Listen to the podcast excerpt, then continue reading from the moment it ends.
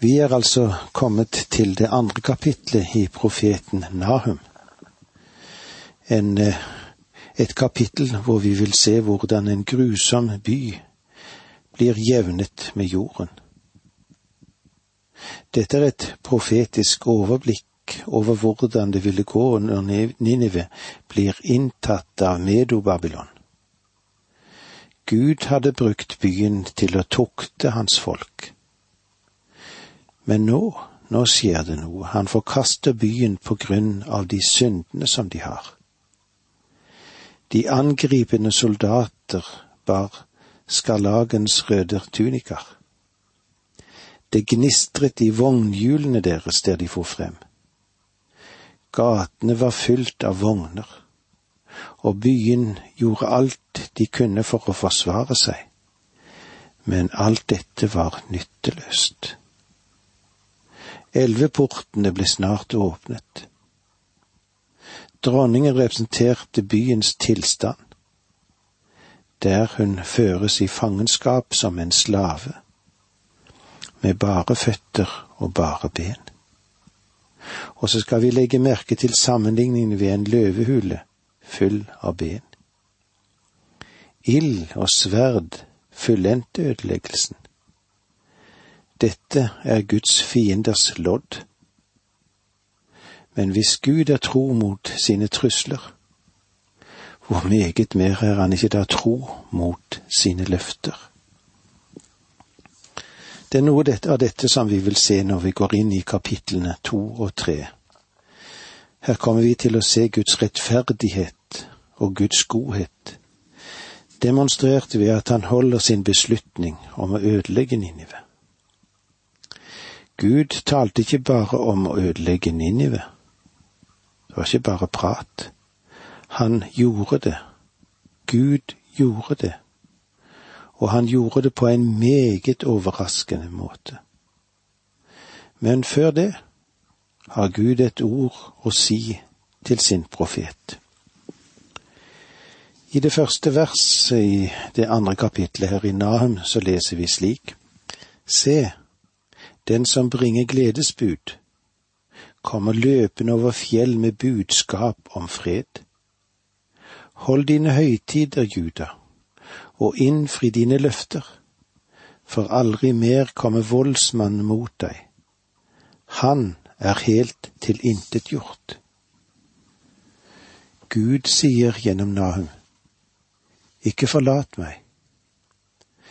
Forkast ikke det mosaiske system overgi deg ikke, for jeg har til hensikt å ødelegge din fiende og sende Messias til deg, som vil bringe nyheter om en stor glede. Naam sier dette som henvisning til Asyria, og du vil se at Jesaja faktisk bruker det samme uttrykket, og det finner vi i Jesaja 52, 7, hvor det er anvendt på denne måten hvor fagert det er når den som bringer gledesbud, kommer løpende over fjell, melder fred og bærer godt budskap, forkynner frelse og sier til Sion, din Gud er konge. Jesaja talte dette med henvisning til Babylons ødeleggelse da han skrev til Sydriket, Juda. Nahum han skriver dette til Nordriket, og eh, sier det samme angående Syria. Og så skal du òg legge merke til at Paulus siterer dette i brevet til romerne på denne måten, altså i Romerbrevet 10, 13-15. Hver den som påkaller Herrens navn, skal bli frelst. Men hvordan kan de påkalle en de ikke tror på? Hvordan kan de tro på en som de ikke har hørt om? Og hvordan kan de høre dersom ingen forkynner? Og hvordan kan noen forkynne hvis de ikke er utsendt? Det står jo skrevet, hvor herlige lyder fottrinnene av dem som bringer godt budskap.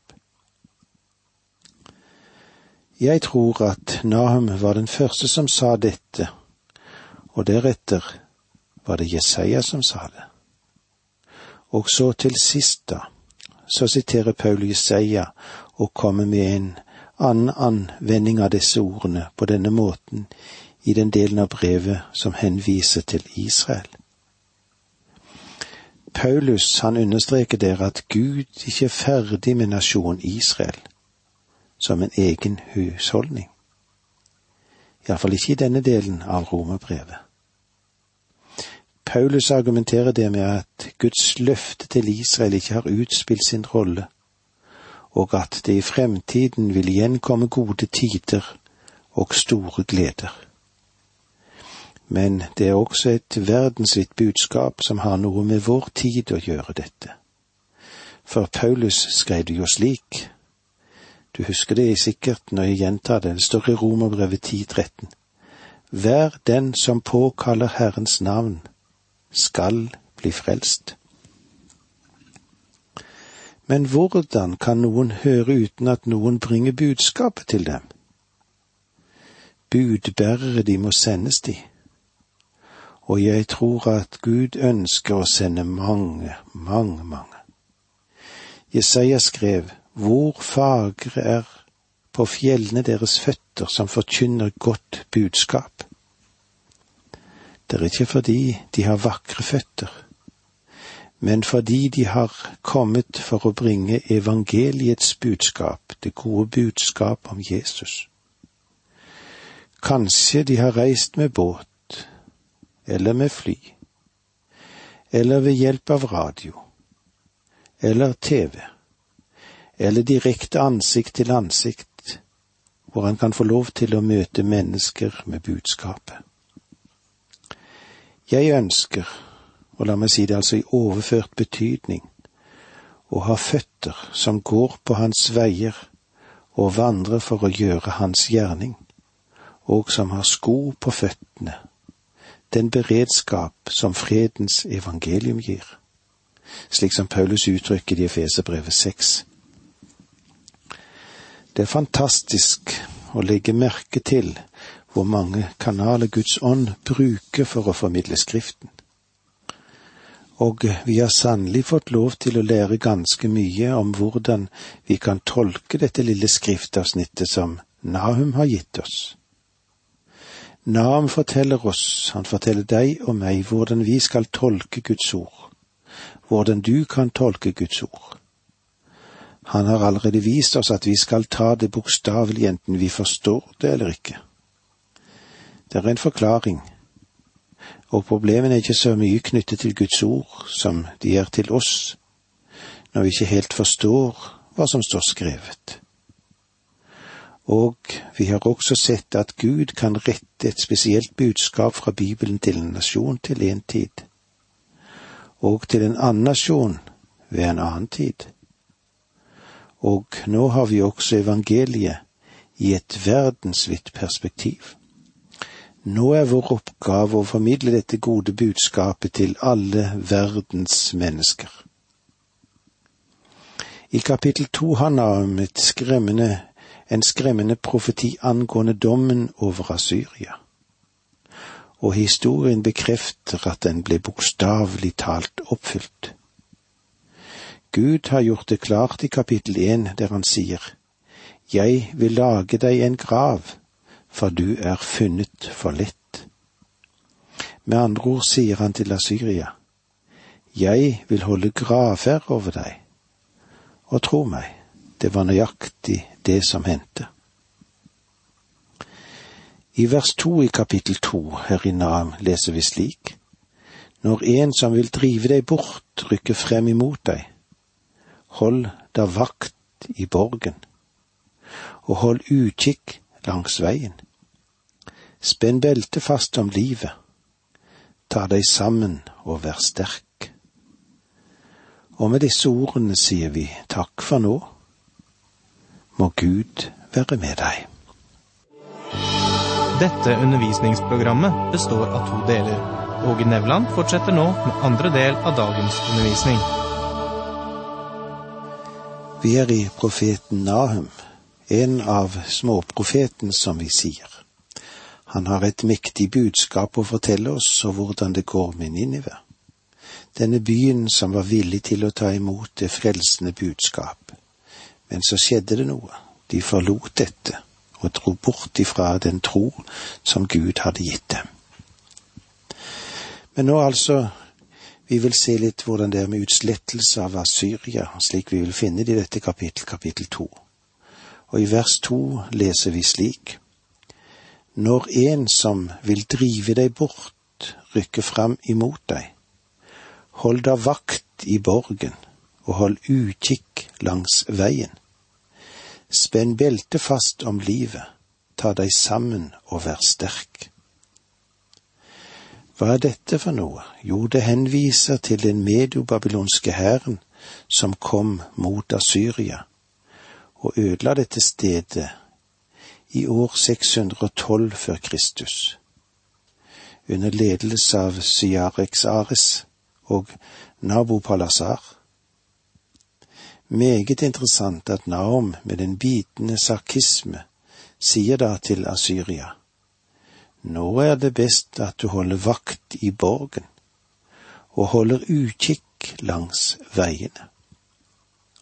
Asyrene sparte absolutt ingenting, og de trodde at deres hovedstad, den var uinntakelig, og at de kunne stå seg mot hvilken som helst dom av det som måtte eller ville ramme dem. Men Gud, han sier nå til dette folket, dere skal bli tilintetgjort. Vers tre. Herren skal gjenreise Jakobs storhet og Israels velde. Farans menn har plyndret dem og lagt deres vinhager øde. Nam sier at tiden nå har kommet til at Asyria skal møte sin dom for Gud.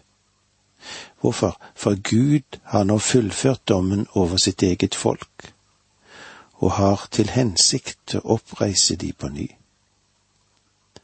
At både Jakob og Israel blir nevnt her, vi henviser både til Sydriket, Juda, og til Nordriket, Israel.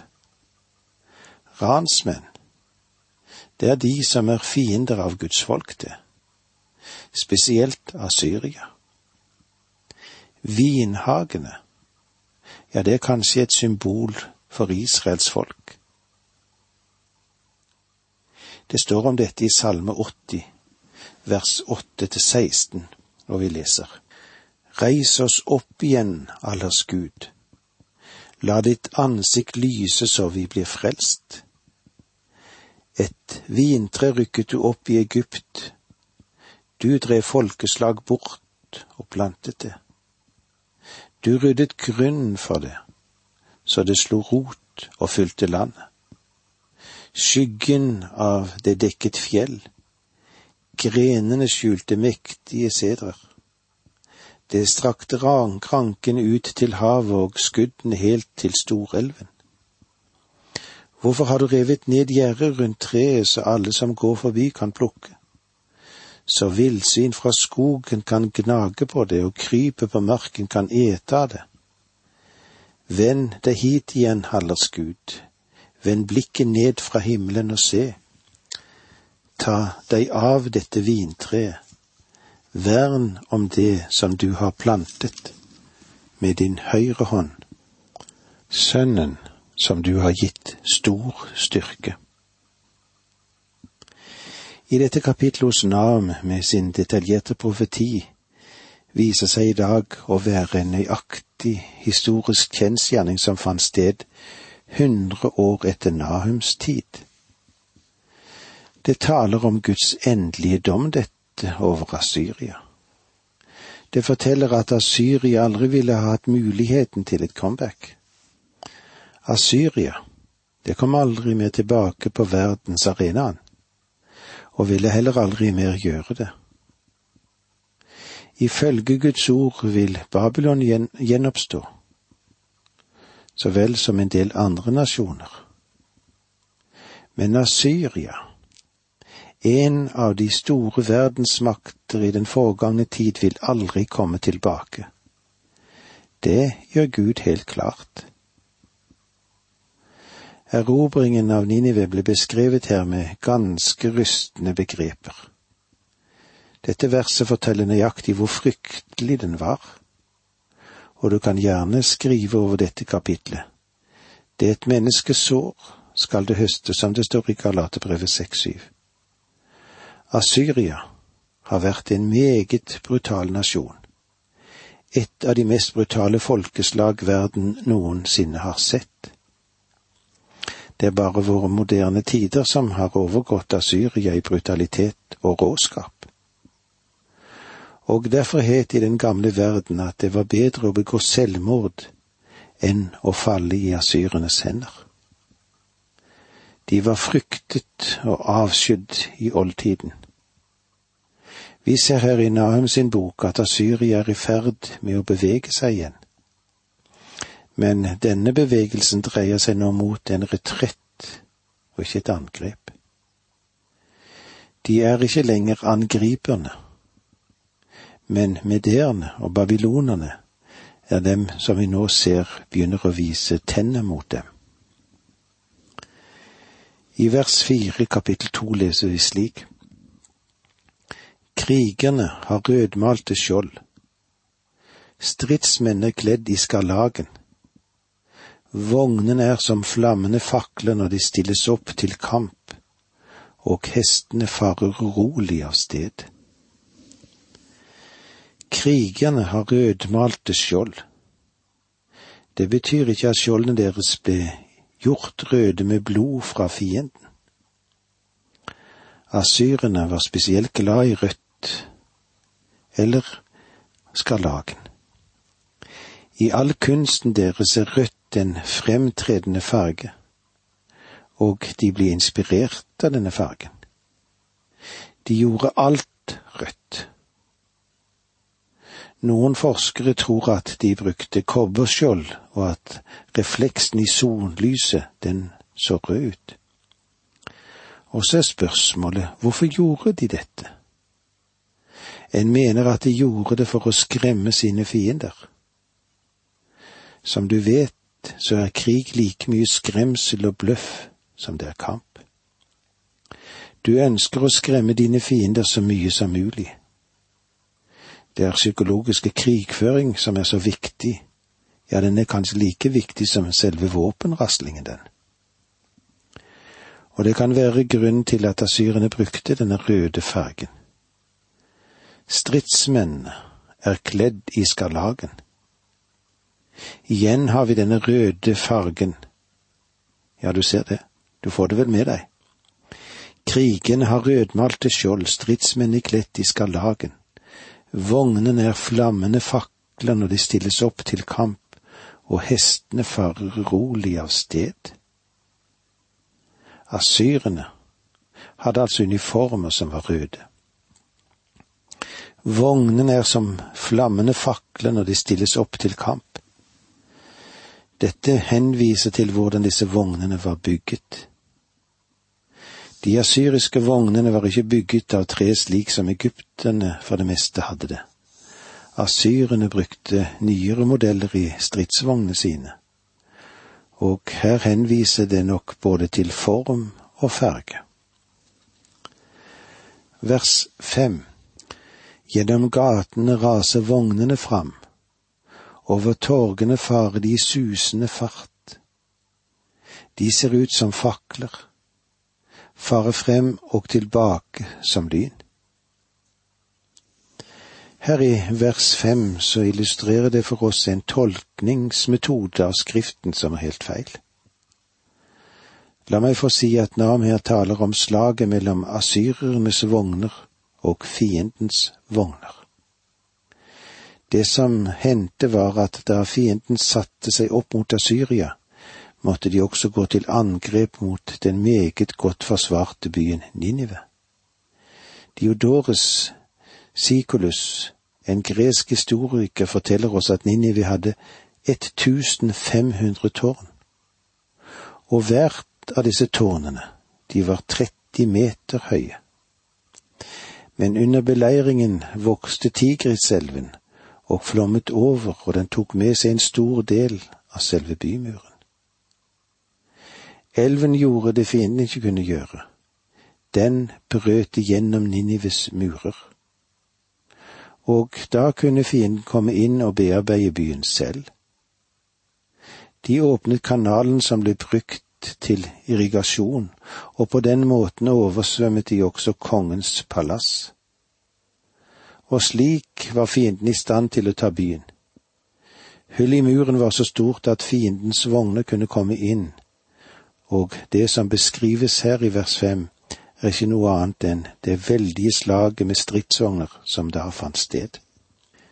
Gjennom gatene raser vognene fram, over torgene farer de susende fart. De ser ut som fakler, farer fram og tilbake som lyn. Med dette femte verset fra Nahum 2 sier vi takk for nå, må Gud være med deg.